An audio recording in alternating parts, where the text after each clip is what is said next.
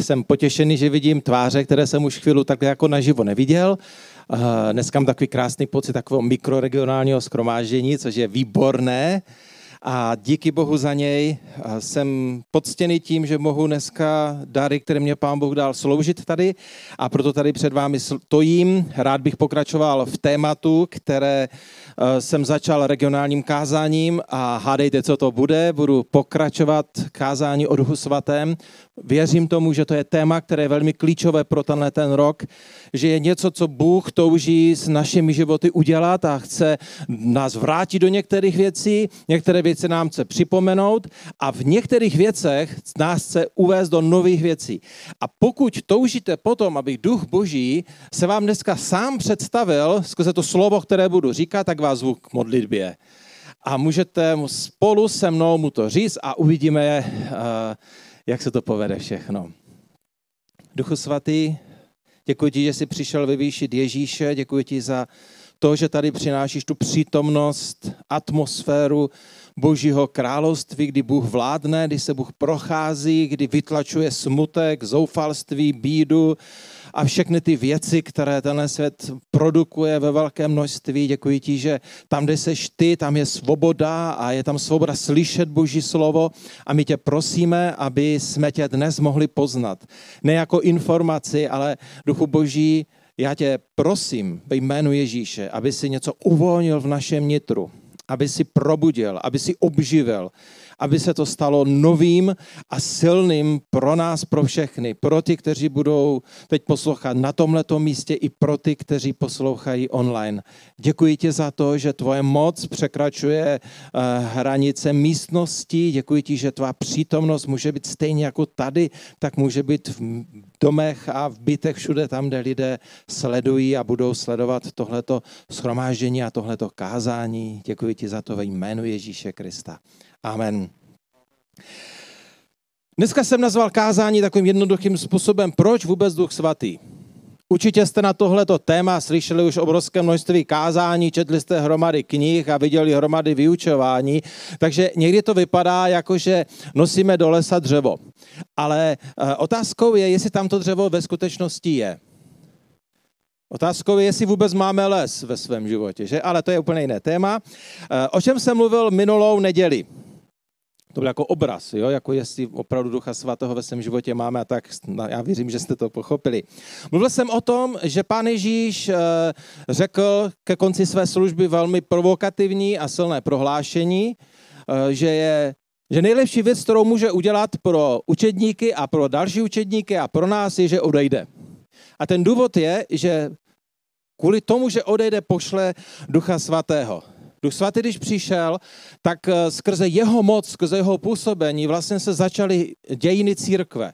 Začalo to v Jeruzalémě, kdy Duch svatý naplnil židovskou obec, vlastně ty, kteří uvěřili v Ježíše Krista a začalo to hnutí mezi židovským národem. Chvilku na to naplnil pohany v Korneliově domě a vlastně to hnutí se rozšířilo do celého světa. Duch svatý vždycky stál u klíčových okamžiků a momentů církve. Kdybyste studovali třeba velká probuzení, velká hnutí, která změnila celé, celé národy, celá města, tak to vždy bylo vlítí, zvláštní jednání Božího ducha, které přišlo nečekaně. Mám někde doma kazetu, někdy přinesu, když taky pustíme, abyste si to poslechli. Uh, nevím už, které to bylo roku, ale na Aljašce, na místě, kde bylo obrovské množství kriminality, prostituce a, a církev tam úplně chřadla v takovém malém sboru. Tam prostě chválili. To, co jste tady dneska slyšeli, to je nebeská hudba proti tomu, co tam na té kazetě slyšíte, jak tam zpívají a chválí.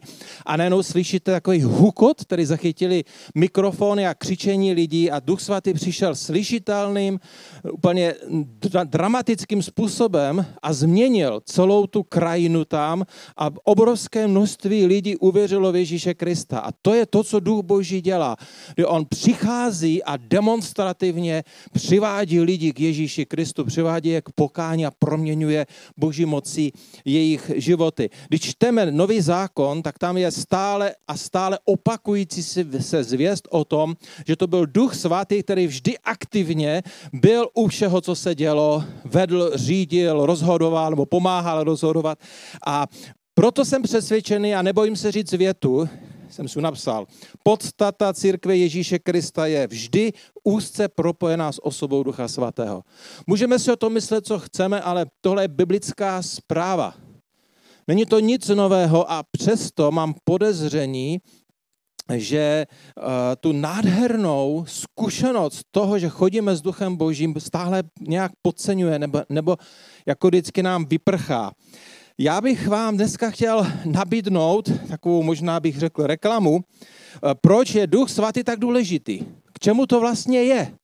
Protože uh, i když Duch Svatý byl ten, který dělá ty radikální změny, tak eh, v tom 19. a hlavně ve 20. století se věci Ducha Svatého hodně posunuly jenom na prožívání.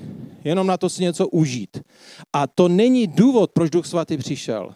Jeho důvod, jeho přítomnosti církve je mnohem mocnější, jasnější a má úplně jiné uh, cíle. To, že u toho něco prožíváme, to je super, to je takový vedlejší produkt, ale to není cíl. Uh, v tom 20. století se to nějak poměnilo a myslím, že proto Duch Boží chce, abychom se vrátili. Pojďme se ale udělat takový malý exkurs z historie biblické, aby jsme mohli sledovat takovou zvláštní linii myšlenky, kterou bych vám chtěl předložit, uh, která nám ukáže, proč je přítomnost Ducha Božího v životě církve na této zemi a v našich životech tak důležitá. Celý příběh začíná tím, že v knize Genesis je popsána událost, kdy pán Bůh stvořil člověka.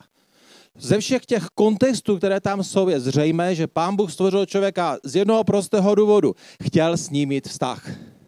Něco hlubokého, něco, něco osobního, vztah důvěry. Proto mu dal volbu a ten vztah se nepovedl. A člověk se od Boha odvrátil. A vlastně jako by se pokazilo to nejnádhernější a nejlepší, co bylo pro člověka vymyšlené.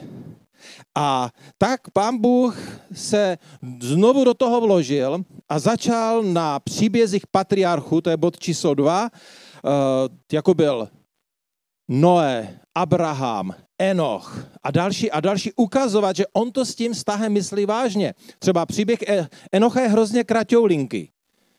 My, vlo, my ho vlastně vůbec ani o Enochovi nic víc nevíme, jenom to, je tam napsané, chodil Enoch s Bohem a to se Bohu tak líbilo, že si ho vzal. Vztah. Abraham byl muž, o kterém Bůh řekl, to je můj kamarád můj přítel. Když se pán Bůh rozhodl zničit Sodomu a Gomoru, tak řekl, no, já to přece nemůžu neříct eh, Abrahamovi. Proč máme takové příběhy v Biblii? Z prostého důvodu. Protože pán Bůh nám chce připomenout, já to myslím vážně s vámi lidi. Já, já mám jediný cíl mít s vámi osobní, intimní, hluboký vztah, který se dotýká úplně všech oblastí vašeho života každý den, od okamžiku, kdy se se mnou setkáte, až do vaší smrti. A pak spolu budeme na věčnosti pořád. Protože to bylo pořád málo. Tak se pán Bůh rozhodl, že to trochu posune ještě o kousek dál. Máme tady bod číslo 3 Izrael. Pán Bůh si z Abrahamova potomstva vytvořil národ, velký národ, který měl svým způsobem života, přemýšlení, chování a toho všeho představovat, že vztah s Bohem, ten osobní vztah je něco skutečného, reálného, netýká se jednotlivců, ale, ale může se týkat celého národu. A aby to ještě bylo ještě víc, tak ten čtvrtý bod je, že pán Bůh se rozhodl dokonce, že nás zná, vizuálně a demonstrativně ukázat lidem a světu, že to myslí s tím vztahem vážně a nechal uprostřed Izraele v Jeruzalémě postavit chrám. Chrám byl barák velikánský, nádherný, zlatý, eh, obrovské bohatství v něm bylo, který demonstroval jednu myšlenku. Já, Bůh, pro kterého země jak podložka pod nohama jsem se rozhodl bydlet uprostřed vás, být tam fyzicky přítomný a jako kdyby, abyste mohli říct, jo, tady bydlí pán Bůh, jdu za ním na návštěvu, když to trochu sparafrázují. Ten příběh se potom trochu jako začal hroutit, chrám byl zbořený, protože lidé to s tím vztahem furt nemysleli vážně, furt od něho odcházeli pak byla také dlouhá doba temna, by se dalo říct. A pak najednou pán Bůh do toho znovu stoupil, ale tím nejdramatičtějším způsobem, který vůbec existuje, že se pán Bůh rozhodl, že se stane sám člověkem. A že bude mezi lidmi chodit, bude s nimi jíst, bude s nimi prožívat jejich bolest, jejich radost, bude je učit a bude neustále připomínat. Já, svatý Bůh, chci mít s vámi vztah. Příběh Ježíše. Já teď nebudu mluvit celé evangelium o tom, že vlastně Ježíš pak zaplatil za to, aby ta cesta k Bohu se mohla znovu stát. Ale, jak už jsem na začátku připomínal, Ježíš sám řekl, je ještě něco lepšího, než když já jsem s vámi fyzicky. Co by to tak mohlo být? A Ježíš to vysvětlil a říká, já pošlu Ducha Svatého. O Duchu Svatém je ve skutečnosti v Novém zákoně toho napsáno hrozně moc. Spoustu různých klíčových míst uh, učení křesťanů je spojené s Duchem Svatým a já nemám dneska prostor ani cíl vám je všechny ukázat, ale chci vám ukázat, proč Duch Svatý tady přišel. Uprostřed Izraele v Jeruzalémě stal chrám. Byl to dům, o kterém se říkalo, že tam bydlí Bůh. Byl to dům, který představoval jeho přítomnost. A Bible Nová, Novém zákoně učí, za chvilku vám ty místa přečtu, že Bůh se rozhodl, že z tebe a země si udělá svůj chrám. Ten samý chrám, který byl v Jeruzalémě, se přetransformoval do konkrétních osob. Lidi, kteří se rozhodli stoupit do toho vztahu s Bohem. Jinak řečeno, teď má Bůh na zemi stovky a stovky a stovky milionů chrámů, které demonstrují a celému světu vyprávějí příběh o tom, že Pán Bůh chce mít s lidmi vztah. Ty i já jsme ten chrám. Teď trošku odsunu stanu, že ten chrám byl svatý a bylo tam spoustu pravidel, to teď tady nebudeme rozebírat, ale to, co je ta klíčová myšlenka, kterou jsem chtěl říct, ten chrám je, nebo stali jsme se chrámem z jednoho prostého důvodu, protože duch boží, Bůh přišel a začal v nás bydlet. On z nás, z našeho těla, z našeho života udělal svůj svatý chrám. Proto, když chválíš Boha, tak je to stejné, jako když ve chrámu kněží zpívali Bohu a byla tam boží přítomnost. Proto když prošli za odpuštění, tak pán Bůh ti odpouští, už nemusíš obětovávat zvířata, protože byla jednou prolitá krev Ježíše. Proto když žiješ s Bohem, tak lidé se na tebe mohou dívat a vidí místo, kde přebývá Bůh. Oni to možná neumí popsat, oni možná neumí popsat ty pocity, které mají, ale stejně jako lidé chodili do Jeruzaléma a zakoušeli tam, že Bůh je přítomný. Tam byly třeba ty okamžiky, kde Šalamon postavil chrám a boží sláva byla tak velká, že všichni, kteří tam šli pracovat, tak popadali na zem a nebyli schopni to zvládnout, tu boží přítomnost. I to se stává někdy v našem životě, že někde přijdeme a najednou, ta, najednou se něco začne měnit, je to úplně neuvěřitelné. A my si říkáme, tyjo, co to je? Je to úplně prosté. Jsme chrámem, v kterém bydlí Duch Svatý. Abyste mě to věřili, mám tady tři místa z Bible. Eh, dvě jsou z prvního listu do Korintu. První je první Korinským 3.16. Nevíte, že jste boží svatýně a že ve vás bydlí duch svatý? V 6. kapitole od 19. do 20. verše se Pavel vrací k téhle myšlence zase v trochu jiném kontextu a říká, nebo nevíte, že vaše tělo je svatýní svatého ducha, který je ve vás a kterého máte od Boha? Nevíte, že nejste už sami svoji? Byli jste přece koupeni za velikou cenu. Oslavte tedy svým tělem Boha. A když psal Timoteovi druhý dopis Pavel, tak v první kapitole ve 14. verši říká, ten krásný svěřený poklad zachovej skrze Ducha Svatého, který v nás přebývá. Duch Boží se rozhodl bydlet v tobě a ve mně. Jak to dělá, já nevím, to vám přiznávám, to vám nevysvětlím, ale asi o tom to je, že Bůh ve své přítomnosti v té schopnosti být s každým z nás osobně nahradil fyzickou přítomnost Ježíše, který mohl být jenom s určitou skupinou lidí. A stejně jako je duch boží teď přítomný v tvém životě, tak je přítomný v životech lidí v Africe, v Ázii, všude. Je to, je to velké tajemství, ale je to úžasná věc. Protože duch boží se rozhodl na lidech, na jejich životech ukázat, že pán Bůh miluje člověka a chce mít s ním vztah. Tam je taková zajímavá myšlenka v té šesté kapitole. Nevíte, že už nejste sami. Možná jenom taková poznámečka. Já to budu rozvíjet v jiném kázání o Duchu Svatém, ale jenom abyste už na to mysleli, chrám byl posvěcený, oddělený pro Boha. Chrám prošel celou takovou složitou obětní liturgii, kdy se dávalo jasně najevo, tohle je místo, kde vládne Bůh. To je touha Božího ducha, aby vládl v našem životě. Už nejste sami svoji. Jsme domem, kde se rozhodl Bůh bydlet. Když na, tom, na tím začnete přemýšlet trošku víc, tak je to trochu děsivé, protože jinými slovy Duch Svatý je úplně u všeho, co děláte. Já vím, že jste to už slyšeli, ale domysleli jste to někdy. Duch Svatý je umyšlenek, o kterých nikdo neví. On je čte. Duch Svatý je u pocitů, které se snažíš skrýt. Duch Svatý je u tvých postojů. Duch Svatý je úplně u všeho, co ty děláš i mimo církev a myslíš si, že to jako zatajíš a že to nikdo nebude vědět a občas to, když máš taky pocit v církvi, že je taková dobrá chvála, tak to Bohu vyznáš. On to ví, protože v tobě bydlí 24 hodin denně. Stále. Já, když jsem, já to znám, já jsem to už mnohokrát vyučoval a když jsem si připravil tohle kázání, tak jsem si to znovu tak nějak jako uvědomoval. A trochu mě z toho bylo tak jako šouflo, jak se říká. Říkal, ty jo, mi vyskakovaly různé události. Říkal jsem si, i u tohle zbyl, jo. A tak mě bylo ducha svatého líto. A pak mě bylo líto mě. A tak jsem dělal pokání. A uvědomil jsem si, že jestli v něčem je vidět obrovská boží láska, tak je v tom, že duch boží se rozhodl v nás bydlet, i když ví, kdo jsme.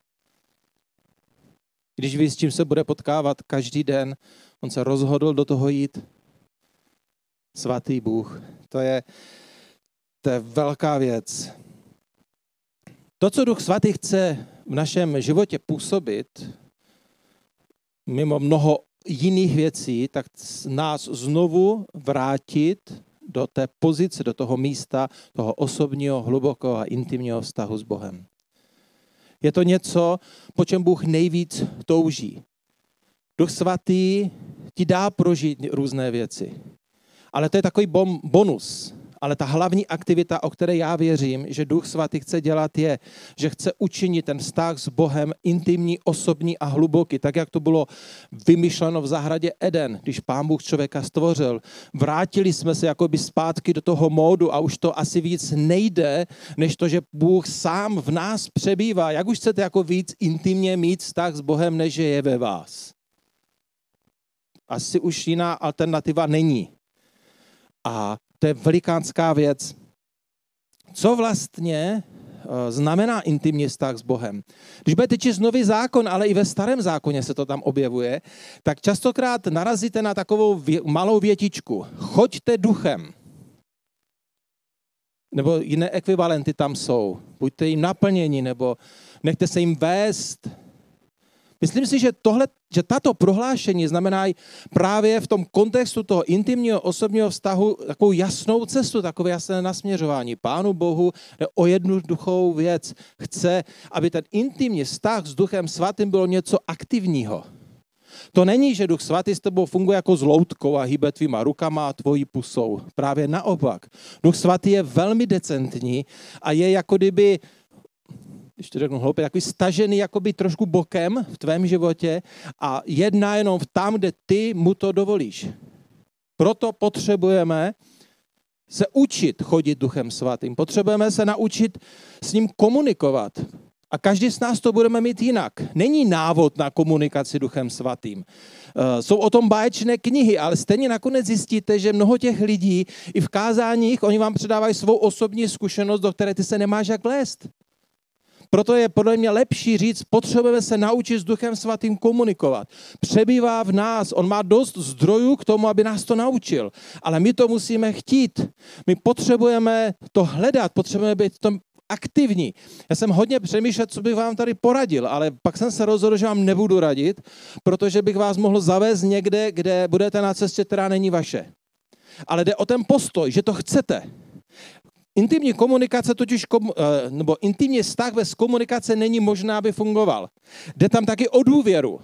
O důvěru to, že když duch boží mě k něčemu vede, když duch boží ke mně mluví skrze boží slovo nebo skrze lidi, tak to má nějaký důvod a nějaký význam. Není to, že on chce nade mnou vládnout a že mě chce manipulovat, anebo že chce dělat věci, které já nechci. Duch svatý chce vztah, hluboký vztah, kdy my spolu jsme stotožněni v tom. Je to vztah naslouchání a je to o tom, že já beru vážně opravdu vážně to, že on jako Bůh chce můj život vést.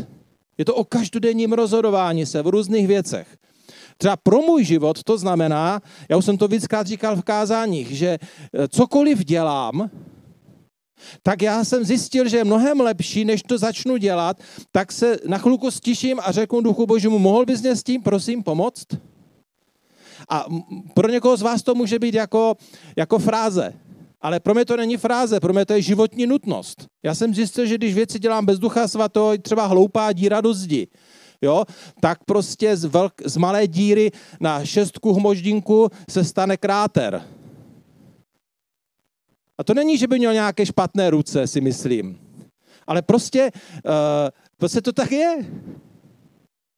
Zjistil jsem, že například, když si jenom čtu Bibli, jenom že si ho chci přečíst, že mám roční plán a prostě potřebuju to odčíst, ať si tam můžu dát fajfku, že jsem to přečetl, tak je, jako je to hezké, že jsem četl Bibli, ale moc toho nemám. Ale investovat aspoň minutu do toho, že se stiším a říkám Božímu duchu, prosím tě, já bych chtěl z toho slova mít život. Já potřebuji, aby mě to proměnilo. Nebo uh, když jdu sloužit, když jdu s někým být, to stišení, to, to, to propojení s duchem božím, to uvědomění si, ty můžeš udělat něco mnohem lepšího než já, takové to upokoření se, takové to ale krásné upokoření se před božím duchem, to je to, co vychází z toho vztahu. Já nevím, jak to děláte vy, ale prostě my potřebujeme ducha božího pustit do svého života jako Boha, který ví, co je pro nás lepší. Jako toho, který to umí lépe než my. A to se nám nelíbí. To je něco, co máme pocit, že nám to bere naši svobodu. Ale víte, já jsem zjistil, že já se hrozně rád zdávám své svobody v kontextu toho, že duch boží převezme tu aktivitu a začne ji žehnat a začne v ní jednat. Protože to vždycky dopadne mnohonásobně lépe, než bych to udělal já. Dokonce mám někdy podezření, že on schválně to nechá, aby se to hrozně pokazilo. Aby mě připomněl, že jsem udělal rozhodnutí před mnoha lety, že chci být jím vedený že mi to jakoby laskavě připomenem. To není, že by byl škodolíbý. Jenom dám jak jako intenzivněji prožít, jak to je, když to dělám jenom já sám. A někdy to je hodně intenzivní. Duch svatý chce být součástí úplně všeho, co děláš. A proto možná dává smysl to, co říká Bible v Efeských i v první tesalonických, v Efeských je to ve čtvrté kapitole, ve 30. verši a v první tesalonických v páté kapitole v 19. verši. V Efeských je napsané, že můžeme ducha božího zarmucovat. Duch boží v tobě přibývající může být tebou zarmoucen. A v první tesalonických je, že ho můžeme uhasit. Že můžeme svým postoji způsobit, že Duch Svatý vlastně jako kdyby se stane do určité míry nečinný v našem životě. Duch Svatý tebou nechce ani manipulovat, ani nechce na tebou vládnout. Chce intimní osobní vztah důvěry, kdy mu důvěřuje, že to s tebou myslí lépe, než ty sám ze sebou. Já jsem přemýšlel, co by to tak mohlo znamenat, to zarmucování a a uhašování a myslím si, že to je právě o tom, že neberu vážně to, že Duch Svatý v mém životě je, že tam přišel, že tam aktivně chce být, že s ním nechci spolupracovat, že si chci sám rozhodovat, že si chci sám dělat ty věci, že já vím přesně tak, jak to je. Že to je o tom, že, že prostě toužím, aby každý den Duch Boží se dotýkal mého života. To zní krásně, Duch Svatý se dotkne, oh, haleluja. Ale to je jinak, když se Duch Boží dotkne tvého života, tak tě většinou povede k pokání. Tak ti většinou ukáže, že bez Pána Boha to prostě nedáš. Připomene ti věci, bude tě proměňovat. A to je druhý bod, který chci říct. Duch Svatý nejen chce, abychom měli hluboký a osobně a, a intimní vztah, ale Duch Boží má cíl v tvém životě. Duch Boží má plán. Je tam konkrétní záměr, který Bůh s tvým životem má. A ten je jednoduchý. On chce, abys byl podobný Ježíši. Abys mu byla podobná v chování, v přemýšlení, v mluvení, v rozhodování, tím, co šíříš, tím, co žiješ.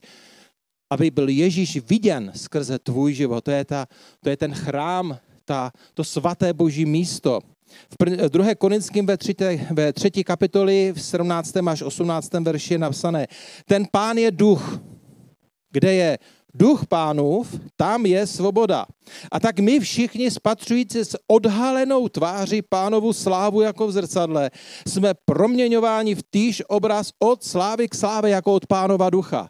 Jestliže my bereme vážně to, co Bible říká o božím slově, jestliže my chceme být proměněni do podoby Ježíše, tak Duch Svatý způsobuje to, že když čteš boží slovo, když se potkáváš s lidmi, když přeješ na kázání, když jsi v církvi, když se s přáteli, když čteš nějakou knihu, tak ti neustále Duch Svatý každý den chce nastavovat zrcadlo, v kterém ty uvidíš Ježíše, jaký on je, jak on by je reagoval, co by dělal, co by nedělal.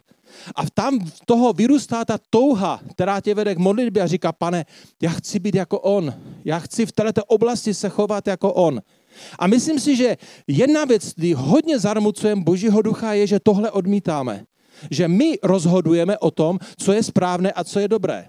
Je to takové to prokletí zahrady Eden, kdy Adam s Evou se rozhodli, že oni chtějí se rozhodovat, co je dobré a špatné. Protože do té doby jim to říkal pán Bůh. Ale oni chtěli být ti, kteří řeknou, to je dobré a to je špatné. A tak bojujeme s tímhletím, s tímhletím zlem v našem životě, protože my nechceme, aby nám pán Bůh ukázal, co je dobré a špatné. My chceme my říct, co je dobré a špatné. Nás baví říkat druhým lidem, to je špatné v tvém životě, to je dobré v tvém životě. Ale co kdybychom dovolili božímu duchu, aby skrze nás říkal druhým lidem, co je dobré a špatné? Že když to říkáme my, tak to vždycky působí destrukci.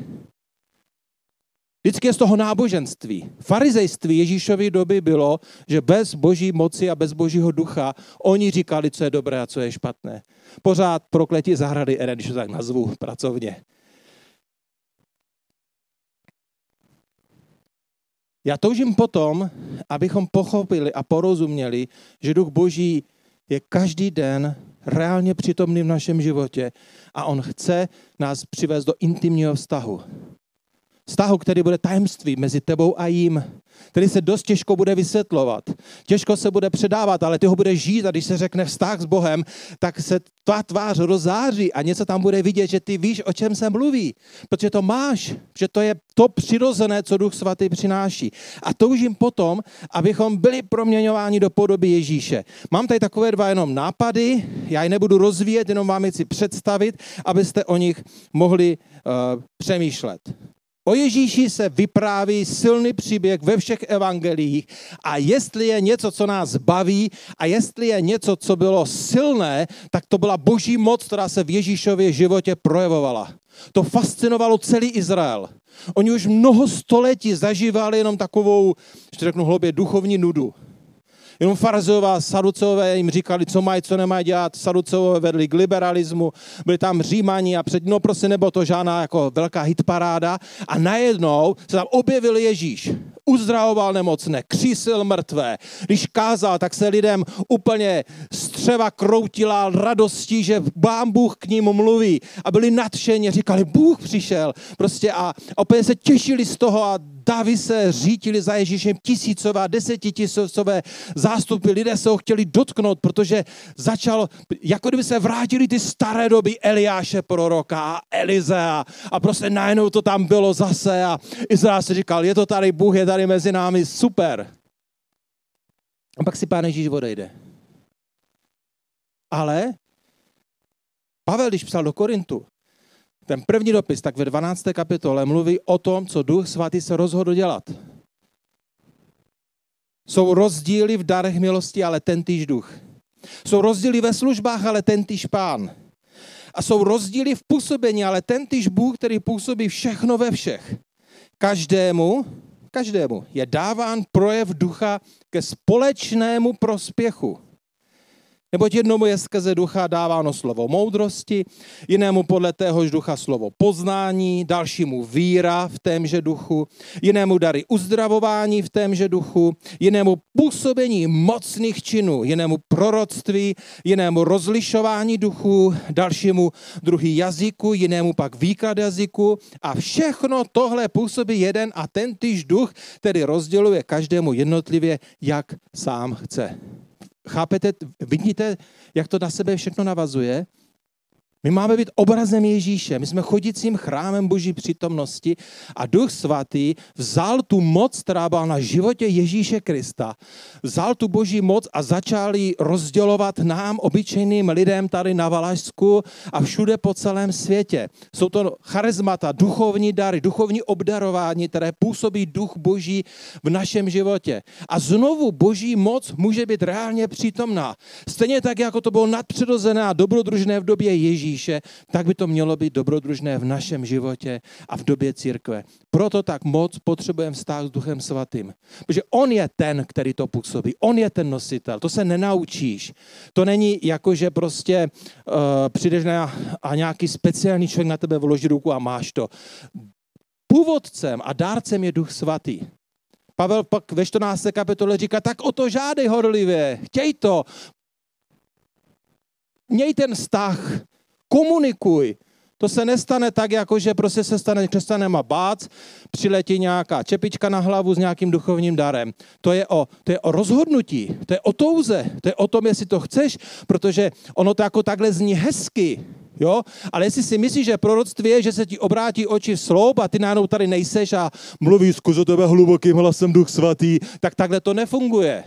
To je o spolupráci, to je o přátelství, to je o tom, že duch boží prostě ti dá najednou myšlenky, že ti dá obrazy a teďka ty svádíš ten boj, tedy svádí už křesťané 2000 let. Jsem to já? Nebo to je duch svatý? Jak to poznám? Už tam někde to tak cítíš a říkáš, a co když to řeknu špatně? A co když nemám ten dar uzdravování? Jsem se za tom toho modlil a nic se nestalo. Možná, že máš dar uzdravování pro nohy, Možná máš dar uzdravování pro lidi, kteří mají respirační onemocnění. Tak se modli za respirační onemocnění a nemodli se za jiné věci. Já to teď trochu zjednodušu, ale ono to pomůže. Že jdeš z kůží na trh. Myslíte si, že to je jednoduché tady přijít a říct, měl jsem obraz a cítím, že pán Bůh něco říká. Já už to dělám desítky let a vždycky mám žaludek jako rozinku. A vždycky tam je ta otázka, co když jsem se spletl? Proto máme rozsuzovat. Ale to je to dobrodružství. Proto Duch Svatý přišel, aby uprostřed církve se Pán Bůh projevoval. Je to k našemu společnému užitku, říká Bible. Duch Svatý nám to dává. Není to z nás. To je zrušující. A druhá věc, kterou vám chci připomenout, nejenže se Ježíš projevoval mocí, ale Bible říká, že Ježíš byl vzorem charakteru a chování.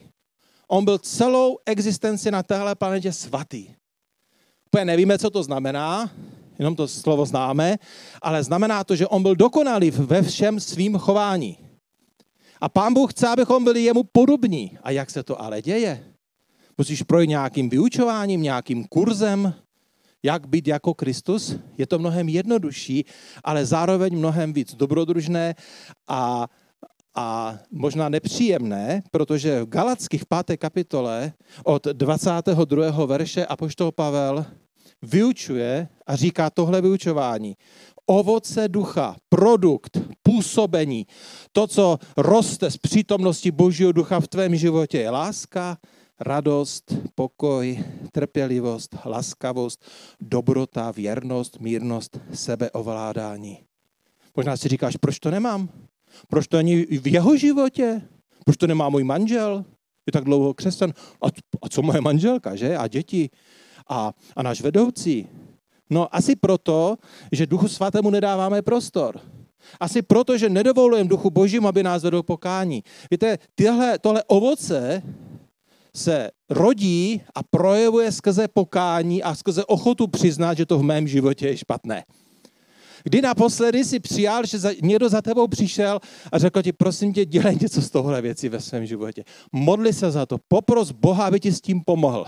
A ty řekl, je to tak dobře, že jsi mi to řekl. Máme většinou jinou reakci. Už odejdi ode mě, satane. Tak to přímo neřekneme, ale někde v hlavě si to myslíme. Co si, můžeš, co si o mě myslíš? A nebo Kdy naposledy Boží slovo k tobě promluvilo tak, že si říká, pane, to je blbé se mnou teda. To je špatné tohle. Potřebuju změnu. A, a, a v té změně jdeš pořád a stále znovu a říkáš, pane, změní se to vůbec někdy? A pak ti někdo řekne, člověče, ty se měníš, to je super. Ty jsi byla taková klepná a teď už klepeš mnohem míň. A ty se trápíš, že se to nemění. Proto potřebujeme církev. Aby nás lidé pozbuzovali, aby nám řekli, je to lepší. Už nejsi takový lakomec. Už nejsi takový pomlouvač. Už nejsi takový soběstředný člověk, takový narcista. Duch svatý přišel, aby se svou mocí proměnil naše životy velice praktickým způsobem, abychom byli podobní Ježíši. Aby ten chrám zářil ve své slávě a přitahoval lidi. Aby lidé říkali, to já se potřebuju jít a potřebuji s Pepou mít chvíli, půjdu s ním na kávu. Já když jsem s ním, tak vždycky prostě cítím, jak je, všechno se uklidní a všechno je jinak. Nenapadlo vás to někdy, proč lidé, kteří neznají Ježíše, s vámi chtějí trávit čas? Není to právě proto, že jsme se stali božím chrámem a, a neseme tu atmosféru? A nenapadlo vás, že proč nevěřící a věřící s vámi nechtějí trávit čas, že to má nějaký důvod? Že nedovolujeme božímu duchu, aby nás proměňoval? Duch svatý to nebude dělat silou. Duch svatý to chce dělat jako přátelský, intimní, osobní vztah našeho souhlasu a našeho chtění a ne jednou. Každý den. Myslím, že upřímně každý z nás můžeme říct, za co se stydíme, co nám nejde a čeho se bojíme a, a v hruze si vyhlížíme stáří a říkáme si, jestli je pravda to, že ve stáří věci, které se neproměnily, se stanou ještě horšími, tak chudáci všichni lidé kolem mě. Pokud tenhle postoj máš, tak to už je dobrá cesta, protože chceš změnu. Spoustu lidí tenhle postoj nemá. Takže i když ta cesta je bolestivá, toho ovoce a té proměny, tak vás chci k ní pozbudit. Čtem, aby, je potřeba, aby jsme četli Bibli, aby jsme uh, poslouchali vyučování, kázání, abychom se cítili Božím slovem, že tam si nám nastavováno to zrcadlo, tam uvidíme, co, co, za co se potřebuje modlit, aby to Duch Boží změnil. Potřebujeme svědectví druhých kolem nás, Potřebujeme, aby jsme měli lidi kolem nás, kteří řeknou, člověče, nebyl by už čas, aby se za tohle začal modlit. Co říkáš? Protože hřích, zákonnictví, sobectví, pícha, lakomství, závist, pomluvy, rozdělování, lenost, soběstřednost, to nejsou moc jako dobré ovoce. To není ovoce Ducha Svato, to je naše ovoce. A Pán Bůh ho chce změnit se odřezat tyhle ty větve a dát nové. Potřebuješ mít kolem sebe lidi, kteří mají vliv na tvůj život. Dokonce potřebuješ mít lidi ve světě, že někdy Pán Bůh v tom zoufalství už prostě použije i nevěřící. Jednou použil i oslici. To se nám ještě asi nestalo, že by tvůj křeček z akvária na tebe promluvil a řekl, prosím tě, už s tím pomluváním něco udělej. To je sice, to byl životní zážitek, ale tak to pán Bůh nedělá. Nebo může to udělat, vlastně, až se ti to stane, tak mi to řekni, to, mě, to bych si zapsal. Je jedno, jestli jsi věřící nebo jsi nevěřící člověk, ale všichni toužíme, abychom mohli žít životy, který přesahuje hranice našich omezení, našich bolestí, našich zklamání, našich nedostatků, našich nenaplněných snů. Toužíme být lepšími, toužíme být jinými lidmi, toužíme, aby náš život byl smysluplný. Toužíme potom, aby jsme mohli žít pro někoho touha život dobrodružství, což některé děsí a ti chcou žít jenom život v pokoji a v klidu a v odpočívání. A chceme utéct před programy, bolestmi, hříchů, kterého, za který se stydíme. A já věřím, že Pán Bůh má řešení. Už od stvoření člověka Pán Bůh má řešení. Pán Bůh se totiž rozhodl mít s námi vztah. A jestli někdo dokáže náš život změnit, tak je to On. Jestli dokáže někdo odpustit opravdu a smazat hřích, tak je to On. Je to o vztahu, je to o rozhodnutí. Je to o pozvání, které nám dává. Jestli si nevěřící člověk, víte, jaké je většinou první setkání s Bohem v životě člověka, který nezná Boha, je to setkání s Duchem Svatým. Protože on v srdci člověka začne mluvit a vytvářet ten zvláštní pocit, že potřebuješ pomoc a že by Pán Bůh mohl být tou odpovědí. Je to On, který ti ukáže, že bez Boha nemůžeš žít. Je to On, který tě přivede ke Kristu, aby si uviděl nebo uviděla tu oběť, kterou On udělal za každého z nás. A tak vás chci pozvat, chci vás pozbudit k tomu, zkusme znovu velmi vážně se zamyslet nad tím, jestli neuhašujeme Ducha Svatého, jestli ho nezarmucujeme proto, že mu nechceme dát prostor v našem životě, že, že, že my chceme rozhodovat, co je dobré a špatné v našem životě. A chci vám slíbit, že pokud dáme prostor Duchu Svatému, jako církev, jako rodiny, jako, jako, jako my sami, tak náš život se bude měnit do podoby Ježíše Krista. Neslibuju vám jednoduchou a milou a krásnou cestu. Změna a proměna do Ježíše Krista je asi ten nejbolestivější proces našeho života, protože vede přes pokání a přiznání, že to s mým životem není moc dobré. Ale je v něm obrovská naděje, protože už stovky milionů a možná miliard lidí před námi během těch dvou tisíc let po téhle cestě šli a dopadla dobře. Tak já věřím, že dopadneme my stejně tak dobře. A věřím i v bonus. Duch svatý někdy vidí, že prostě ta církev potřebuje, aby ji zvláštním způsobem navštívil. Aby trochu zamíchal v tom kotlíku toho zborového života. Aby tam trochu přiložil pod ten kotlík, aby to začalo zase znovu vařit. A to je to, za co se teďka modlíme. To je ta touha, pane, přijď, prosím tě. Mohl by si znovu navštívit náš sbor Nehledejme v tom zážitek, hledejme v tomto setkání, to obnovení toho intimního, hlubokého vztahu, který proměňuje člověka, že jsme podobní Ježíši. A stále mějte před sebou ten obraz, jsem chodící chrám. Pán Bůh to posunul až na tu osobní rovinu. Jsem nositelem Boží přítomnosti. Chceš to, nebo to nechceš? Znamená to opustit mnoho věcí, mnoho svých pravd, ale staneš se součástí života toho, o kom je napsáno v Bibli, že on je pravda. Dovolte mi, abych se na závěr pomodlil a pak zase vrátím Danovi. Uh, jsem se úplně nadchl, Duchu Svatý. Já ti chci Ježíši poděkovat, že jsi, že jsi udělal tak úžasnou věc, že jsi odešel a že jsi poslal Ducha Svatého. Asi bychom se všichni do Izraele nevlezli a aby jsme se aspoň na tebe mohli šáhnout. Ale takhle můžeme každý den prožívat tu, tu osobní, intimní blízkost, jak Bůh žije v našem životě. Je to tajemství, je, to, je v tom hromada otázek, které asi nikdy nebudeme mít odpovězené, ale je to realita a je to skutečnost. Duchu svatý, já moc toužím potom, abychom byli podobní Ježíši, abychom žili opravdový život pokání a změny, toužím potom, abychom ti dávali prostor v našem životě, abychom se rozhodli ti důvěřovat, aby si skrze nás mohl se dotýkat lidí, aby se mohli uvolňovat ty dary moci, ty dary zjevení, ty dary působení. Já, tě, já za to tak volám za nás, za všechny. A Duchu Svatý, a přidávám tu poslední modlitbu, prosím tě, přijď a naplň nově a čerstvé svou církev tady v našem regionu ale nejen v regionu, navštív všechny své děti v, tom, v téhle zemi. Prosíme tě, aby si v tomto roce zvláštním způsobem začal vanout a jednat. Tvá církev to potřebuje, my tě o to prosíme a jednej prosím i v našich životech. Ať, ať, ať nezůstaneme tam, kde jsme teď v tuto chvíli, ale ať třeba za týden, kdy se potkáme, tak můžeme říct, udělal jsem první krok, posunul jsem se, posunula jsem se. Děkuji ti za to. A já nás všechny žehnám pokojem.